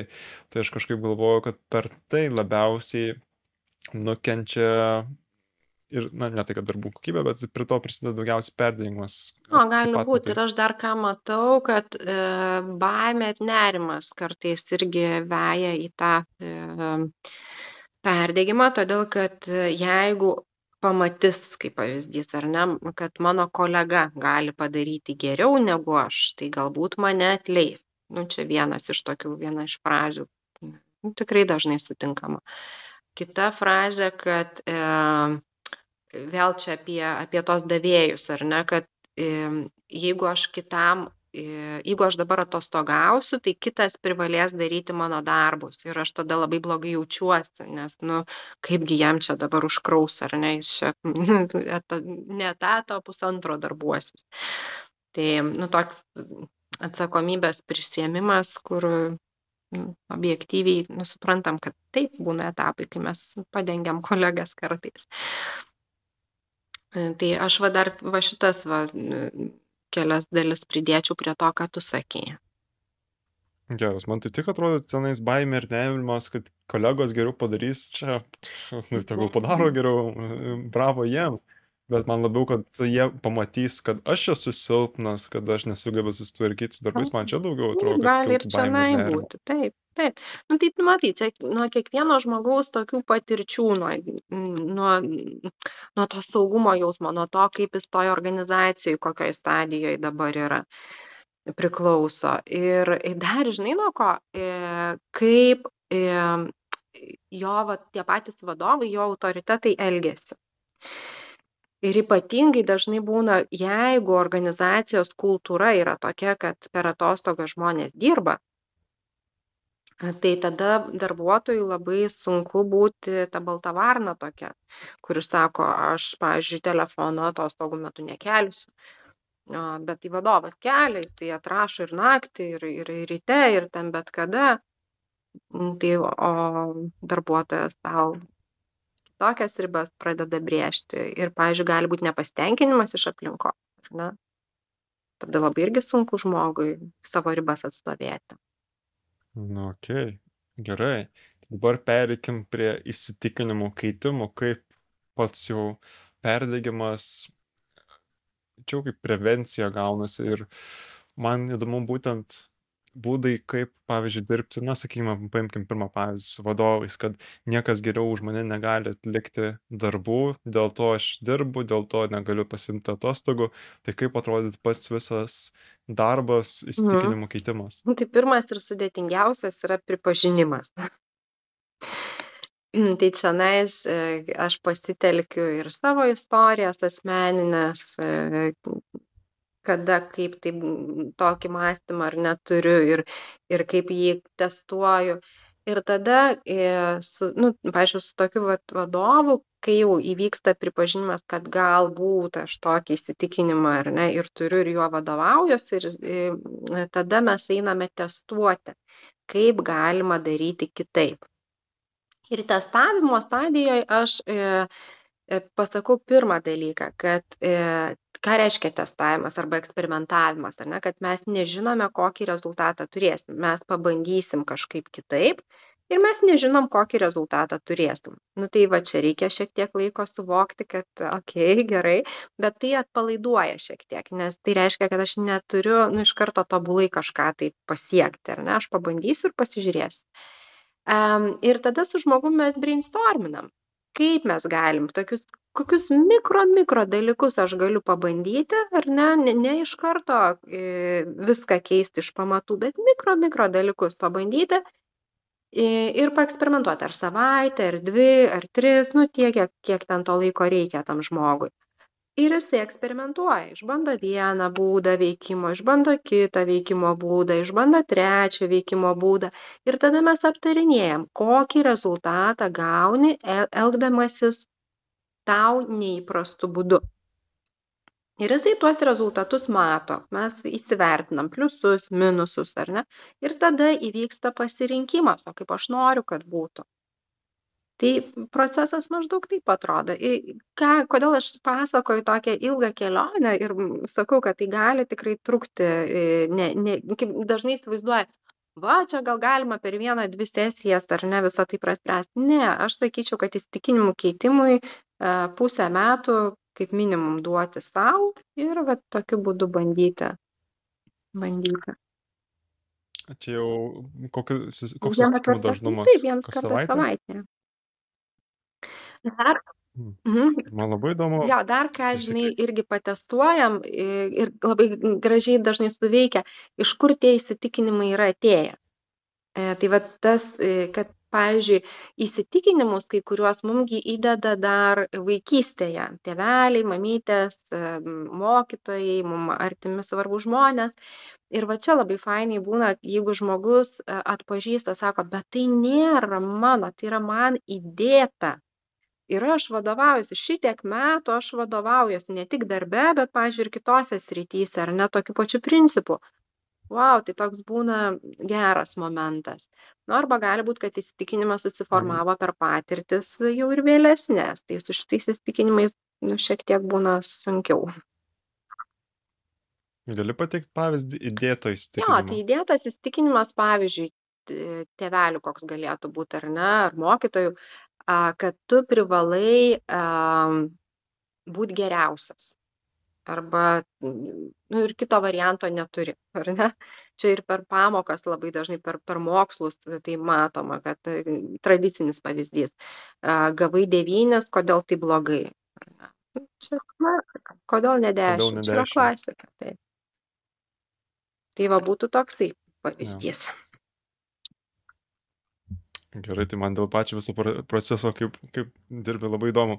Tai asmeninės istorijos, tai okei, aš įsivaizduoju, kad jau kreipiasi, na, sakykime, ar tai Mhm. bet kas, ar tai vadovas, ar darbuotojas pas tave, jau sako, kad, va, ugnė, matau, kad tu su, su perdėgymu dirbi, man atrodo, kad man irgi perdėgymas, tai tu naudoji asmeninės istorijas. Aš įsivaizduoju pirmiausia pačią ryšio užmėsgimą ir taip pat ir uh, galvoju gal pačių stereotipų laužymų kad va čia aš galbūt labai silpnas prastas vadovas kad nesusitelkiu su tuo ir padėt gal lengviau prieit prie pačio pripažinimo kad okei taip man ir tai yra ir labiau identifikuotis ar gali šiek tiek daugiau praplėsti kodėl naudoji asmenines istorijas kaip kaip kaip na kaip pripaž Mhm. pripažinimui a, Jo, tai pasiekti e, vienas iš, nu, iš tikrųjų, tai, ką tu susakei, tikrai taip, tikrai dėl šių priežasčių irgi. E, man tai padeda įeiti į santykį, tokį kontaktą. Žinai, kai ateina į, į terapiją, e, žmogus kartais įsivaizduoja, kad tenai to terapeuto arba nu, psichologo jo kaip nėra, žinai. Nu, va čia viskas, bet visas, viskas yra apie santykį, nes įsitikinimai dažniausiai atsiranda santykyje tai juos kvestionuoti irgi labai gerai per santykį ir aš tada pateikiu savo asmenines arba e, kitų žmonių istorijas tai gali būt nebūtinai mano ar ne tai gali būti kažkokių um, pavyzdžiui, jeigu spaudoj kažkokios istorijos eina dabar labai, ar ne, tai vat, aš ir tas istorijas galiu priminti, bet kokias.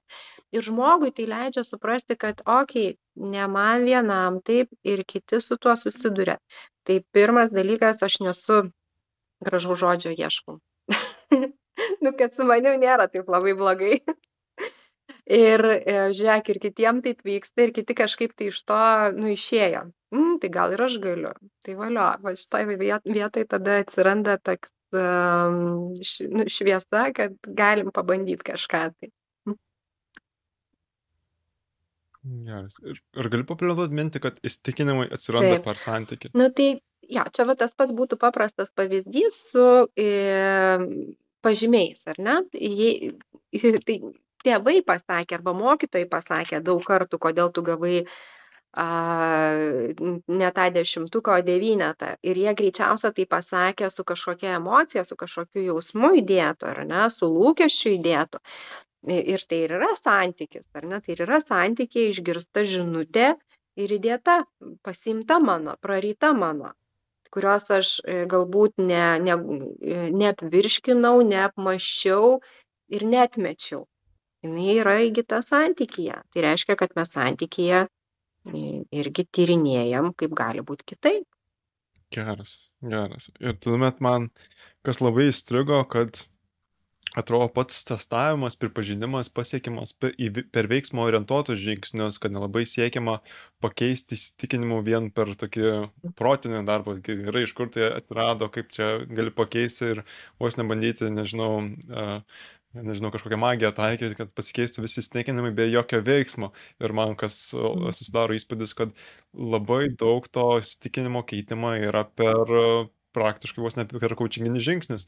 Ką, ką renkėsi daryti, kas, kas pasisekė, kas nepasisekė, ką išmokai, ką rinkstis toliau daryti. Ir toksai keitimas per tokį kaip ir uh, vos ne kaip mokslinį eksperimentavimą, kad keli hipotezė gerai, niekas kitas negali geriau už mane padaryti, nu pabandyk, pabandyk duoti darbą savo, nežinau, draugui, pažįstamui, kolegui ir pasižiūrėk, kaip seksis. Ir jeigu blogai atliks darbą, tai pasidaryk analizę, kodėl taip yra, o ne dėl to, kad, na, čia, nu, sakau, visi kiti yra prasti darbuotojai be manęs. Tai, tai toksai labai užstrigo, kad atrodo įstikinimai labai daug keičiami per veiksmus.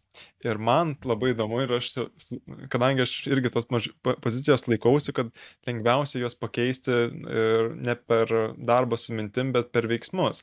Ir kad na, per veiksmus ateis jau na, visai kitas toksai kaip ir išžvalgos, ir testavimas, ir na, visai, visai kas kita.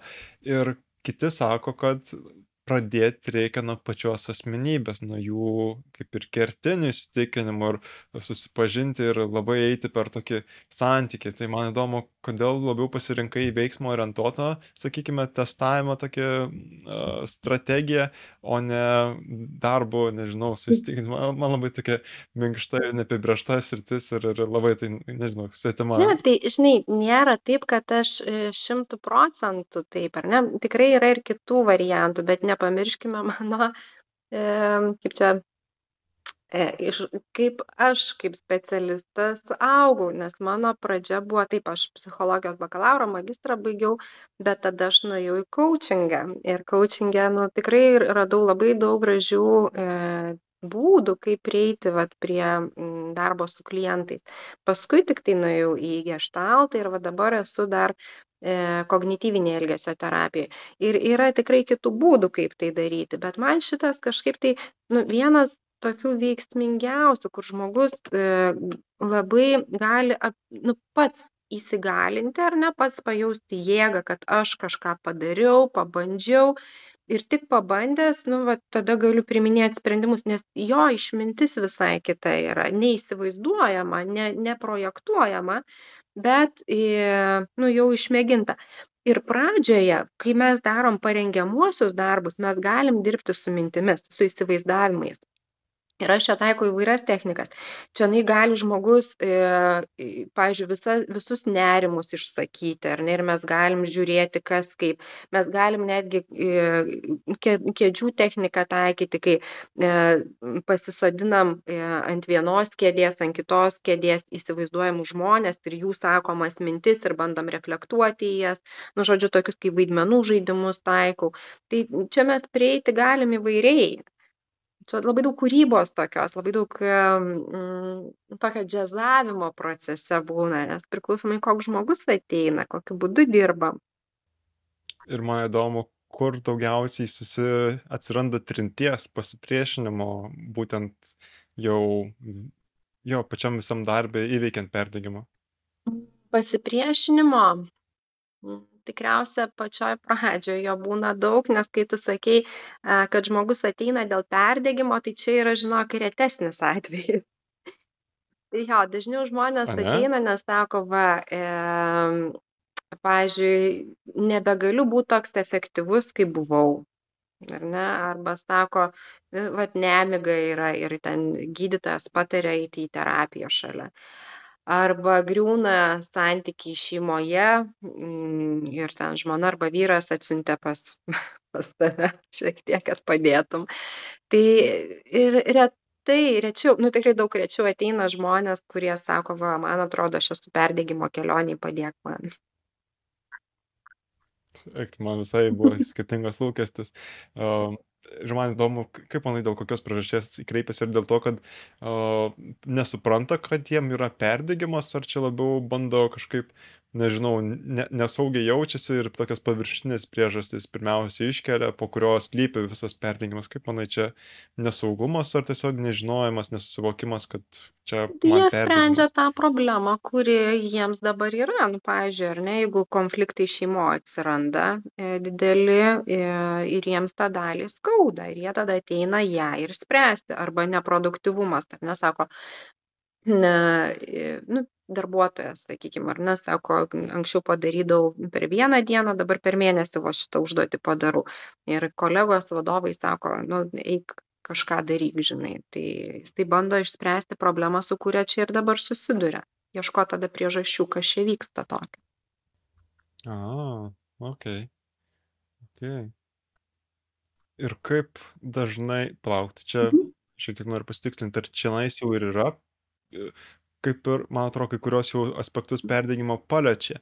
Ir ar jau per tą tokią sakykime ateina dėl nemigos dėl šeimos problemų dėl efektyvumo ar čia irgi bandai tuomet jau apšviesti kad čia galimai yra perdegimas ar bandai tiesiog dirbti su klientų užklausa kad na čia okei problema yra efektyvumas, gerai, ką galim dėl to padaryti. Ir, iš, ir ar tai bandai iššviesti tą e, perdegimą? Iš karto e, nebandau, bet aš žinai, ką aš tyrinėju. Aš tyrinėju jo gyvenimo aplinkybę, situaciją, e, kaip, pažiūrėjau, neefektyvumas ar ne, kaip tas, ne, ką jam reiškia neefektyvumas, per tai įsitikinimai kažkokie ar neatsiskleidžia, koks jis buvo anksčiau. Nu, ta prasme, aš atlieku tokį tyriamą į darbą, ar ne? Daugiau, daugiau man nieko nereikia. Ir per tą procesą tada, nu, kryptis kažkokia atsiranda, kažkokios hipotezės, kas tai galėtų būti. Nes aš nepamirštu to, kad e, aš diagnozuoti negaliu. E, psichologai, psichoterapeutai ne, nediagnozuoja tai jeigu aš jau matau kad žmogus tikrai jau labai stipriai nuėjęs perdegimo kelionėje aš tada iš karto siunčiu pas psichiatrą šeimos gydytoją ir pas tą ir pas tą žodžiu kad e, nu, gautumėm kažkokią e, iš medikų pusės, ar ne, mums patvirtinimą, ar, ar kaip tik atmetimą ir pasakymą, kad čia yra kitos problemos, kažkokios kiti iššūkiai ir, ir taip gali būti. Ne. Jo, ir tada, vat, kai susirenku daug, daug medžiagos, informacijos, tada kažką jau su tuo darom, įmam po gabaliuką ir bandom kažkaip spręsti. Gerai, skamba kaip su jūrų keulytėm darbas, toksai eksperimentinis. Pat... Patirinėjai, gerai, kas čia, gali veikti, nedagnozuojam, ne, ne daktarai esame. Bet, bet toksai, kaip, kaip kitaip, žinai, nu, tai kažkaip tai nu, reikia suprasti, kame tas žmogus yra ir, E, jo, ir čia va aš prie to lūkesčio, kad nu, vis tik žmonės, jeigu ateina ir tikisi, kad per vieną dieną jiem išaiškės perdegimas ar kažkas, tai tai nu, tą lūkestį, nu, nu, neturiu aš auksinių piliulių. Ir neturiu, neturiu galimybės taip permatyti, taip iš karto žinoti, ar ne, tam reikia šiek tiek laiko, tam reikia pažinimo, tam reikia nu, pabūti santykė, pabūti procese tam tikram ir tada kažkas taip paaiškėja. Nors mes visi taip norim piliulių, kam čia, kaip čia, kaip, jo, toksai lūkestis, kad kam čia spręst tas problemas, jeigu nueisi pas daktarą, tegu duoda vaistus, išsigydys ir vėl. Bet va čia, va irgi, tu labai gerą Bet... momentą palėtė, ar ne? E, ir pas gydytoją, nu, pavyzdžiui, pas psichiatrą, kai nueini, išrašo antidepresantus ir valio, labai gerai. Tai bet čia labai svarbu suprasti, kad čia yra langas, per kurį aš galiu pakeisti įsitikinimus, pakeisti rutiną, ar ne? E, vaistai duoda mums va, tą kažkokį tai laiko tarpą, per kurį aš galiu savo padėti. Ir jeigu aš nieko nedarysiu su tuo, vien tik tai vaistus vartosiu, aš vėl grįšiu į tą patį. Bet jeigu aš pasinaudosiu tuo langu, tai gali būti, kad, pavyzdžiui, po metų laiko tų vaistų nebereikės. Ir čia man labai priminė klausimą, kurį mhm. aš norėjau paklausti prieš mūsų pokalbį. Kalbėjom, kad perdegimas gali būti naudingas, kad tai gali būti kaip galimybė. Ir galiu plačiau pasidalinti, Taip. ką turėjai. Čia, žinai, gali taip labai grubiai nuskambėti, e, bet aš, aš galvoju, kad mes atsiduriam tam tikrose aplinkybėse, nepatogiose ir va tada mes pradedam keistis. Nes kol yra pakankamai gerai, mes į pokytį nu, retas, kuris einam. Nu, sėdim ant tos krusdėlyno ir sėdim pažįstamo. Bet jeigu jau pradeda nu labai skaudėti, atsiranda erdvė pokyčiui. Ir e, jeigu viską darom nu, va, tyrinėjimo būdu atrandame gerus būdus savo padėti, tai mūsų gyvenimo kokybė keičiasi ir keičiasi dažnai kardinaliai. Tai tą perdegimą e, ar bet kokią kitą ligą ar kažkokį tai e, sunkumą, ar ne, aš siekčiau traktuoti kaip nu, tokią galimybę, gerą galimybę pokyčiui, kuris stumtelėjo, kaip buvo toks nu, katalizatorius, kaip, kaip jį pavadinti, ar ne.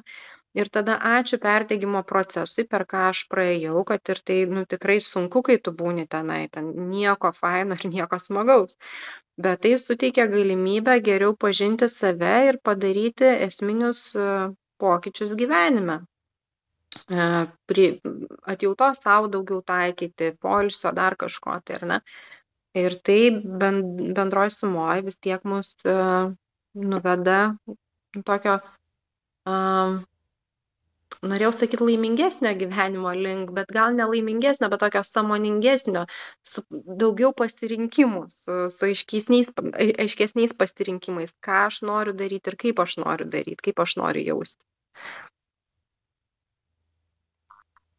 Ja, man atrodo, kad čia o, galimybė peržiūrėti savo, na, sakykime, kaip atėjo perdegimas ir kokie įsitikinimai buvo, nes jeigu o, nu, turiu tokius įsitikinimus, kurie pastoviai kelia stresą, na tai tiesiog, man atrodo, objektyviai galim pasakyti, na, kad gyvenimo kokybė nu, nėra gera pas asmenį ar galėtų būti žymiai geresnė, jeigu to streso tiesiog nebūtų. Ir pats toksai, kaip ir man atrodo, jau prieimas to, tokio, to taško, kad jau viskas, na, okei, okay, čia perdegau, tai galimybę peržiūrėt visą tai, kaip aš žiūriu pasaulį ir, ir, ir na, kaip, kaip keisis. Tik man čia iš karto tokia kaip anegdotinė situacija, kai žmonės sako, kad kalėjime praleisti metai buvo geriausi. Tai, nu, tipo, rimtai, nu, aš nenoriu tikėti, kad kalėjimas yra atsakymas, kad galėtum mm. gyventi geresnį gyvenimą. Geriau, kad jo ir nebūtų. Bet kad jeigu tu pasinaudojas tik tom galimybėm, kad tai, na, per, perkratytum savo visą pamatą ir, na, atsistotum naujai ir aukščiau, tai valio, šaunu.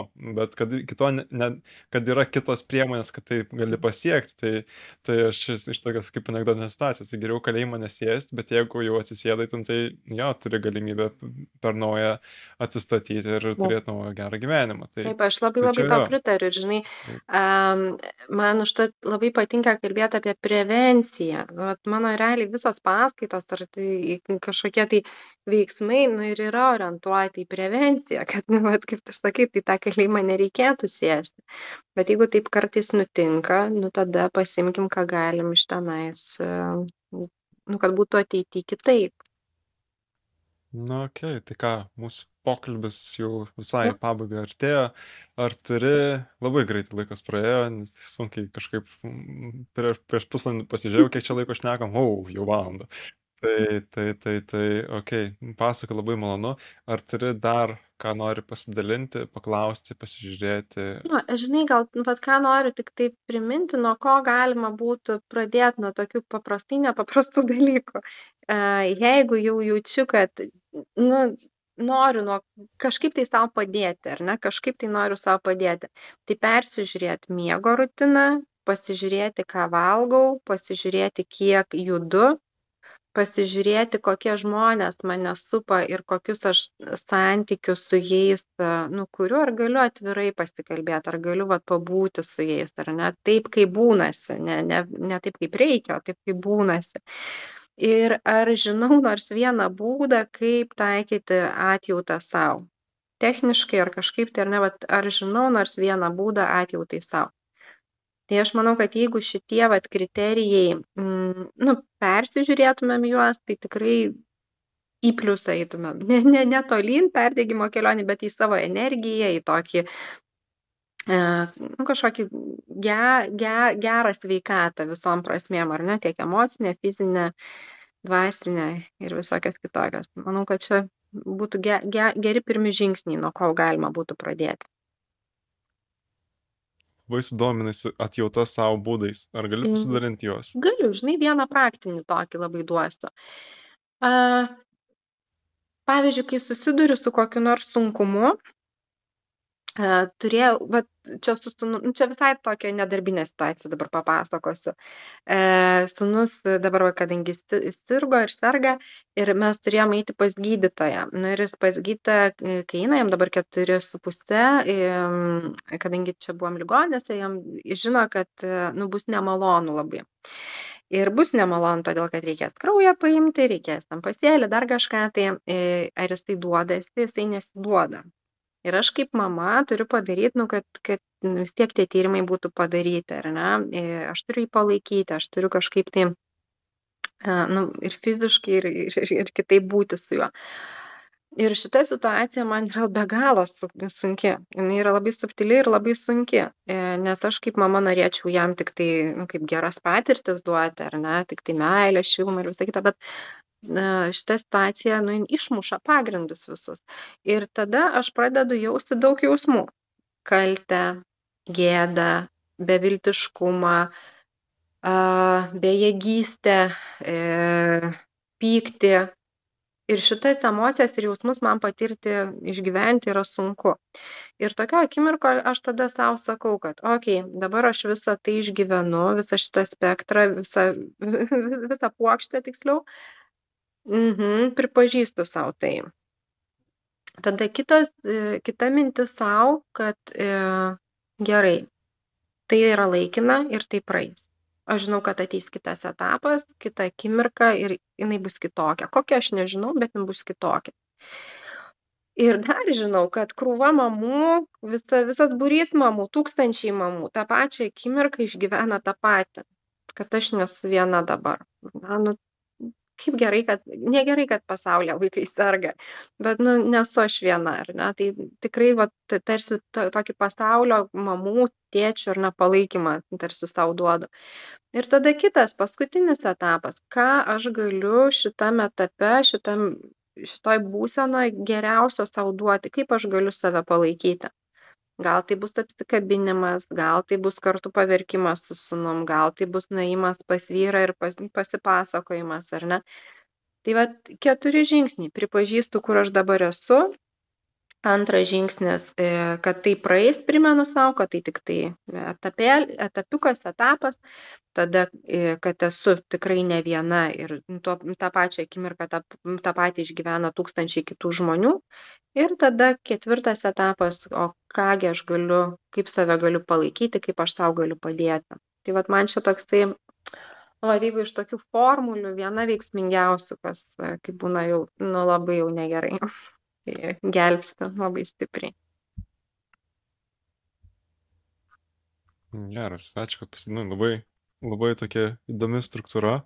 Ir, ir, ir labai aš vadovaujus kaip stoicizmo ir jo teikiamom praktikom, tai čia labai daug to, e, kaip ir, na, praktiškai per visur gali pamatyti stoicizmą ar tenais jo bent jau panašumus, bet kad visas toksai, kad viskas Mhm. tai yra laikina, kad uh, ir tai pastebėjimas, kad atskirimas ir, pavyzdžiui, architektas labai, kadangi jis buvo vergas filosofas, kuriam kojas sulaužė ir jis visiškai nieko tenais neišreiškia jausmų ir pagrindinis jo toksai aspektas, kad na, dabar ne man skauda, bet koja yra skausmas. Ir tai supratimas, kad tu skausmo negali kontroliuoti, kad jis na, yra laikinas. Ir nebesimenu koks stoikas yra pasakęs, gal Markas Aurelijus, kad yra arba staigus, stiprus skausmas, arba chroninis, Mhm. bet niekada abu, kad nebus taip, kad labai stiprus, nepakeliamas skausmas, kuris ir yra chroninis.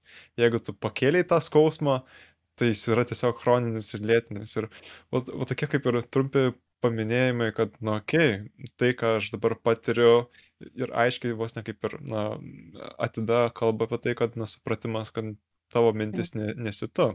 Ir pats visas toksai kaip pripažinimas visos tos tokios situacijos atsisėjimas nuo skausmų ar tai supratimas, kad tai praeis ir kad uh, Seneka, Mhm. man atrodo, čia whole, kaip enciklopedijos vadovėlis dabar autoris atsitojo, tai Seneka kalba, kad um,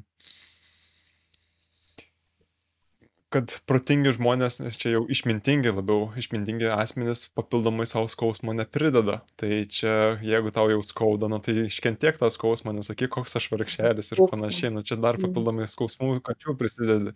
Tai labai, labai toksai kaip ir, kadangi stoicizmas tai labai šaltas, toksai gali pasirodyti, kad čia skau- skauda tai neverk, bet tavo toksai atjautos principai, veiksmai labai atjautingesni ir tai atrodo šiltesni, kad, okei, okay, yra ir kitų žmonių, kurie taip pat yra, kad tai praeis ir nesi vienas ir ką gali iš to pasimti. Tai kai, kai kažkas skaudės ar reikės vaiką laikyti, labai patiko, kad tai išreiškia ne tai, kad jį laikyti, ten priversnai, bet Mhm. fiziškai palaikyti. Labai mielai skamba. Nu, aš taip ir matau. Ja, ir aš, žinai, jo. vat, labai rekomenduoju, yra faina knyga Kristin Neff va, ir ten yra visas e, sąrašas, nu, ten daug aprašiusi va, tokių būdų, metodų, kaip galime save palaikyti, kas ta atjauta yra, ten apie visus komponentus, tai šiaip labai rekomenduoju perskaityti jos knygą. Nu tai ką, ačiū tau, Ugne, buvo be galo malonu išnekėti, laikas praskrėjo, net ir nežinau, ar čia jau perdegimo simptomas, kad prieš tai jau jaustų skausmų, nuovargių nebejaučiu, ar tai tiesiog, kad po tavo pokalbį jų tiesiog nebeliko. Ir ką, Ačiū ačiū tau už galimybę. Aš tikrai šitą temą taip e, su malonumu dalinuosi, nors tai nėra maloni iš principo tema, bet aš galvoju, kad kuo daugiau žmonių nu, atpažins, kur jie eina, ką jie daro ir suvoks savo galę, kad gali gyventi, nu, pirmam, antram etape, vat, apie ką kalbėjom nuolatos, iš principo, ar ne, ir imsis veiksmų. Tai nu, tokie pokalbiai yra nu, be galo, be galo prasmingi. Tai ačiū tau už, už galimybę kalbėti apie tai ir kad žmonės galės tai išgirsti. Tu tik kalbėk, man atrodo, visiems tai yra naudinga ir ką. Ačiū tau.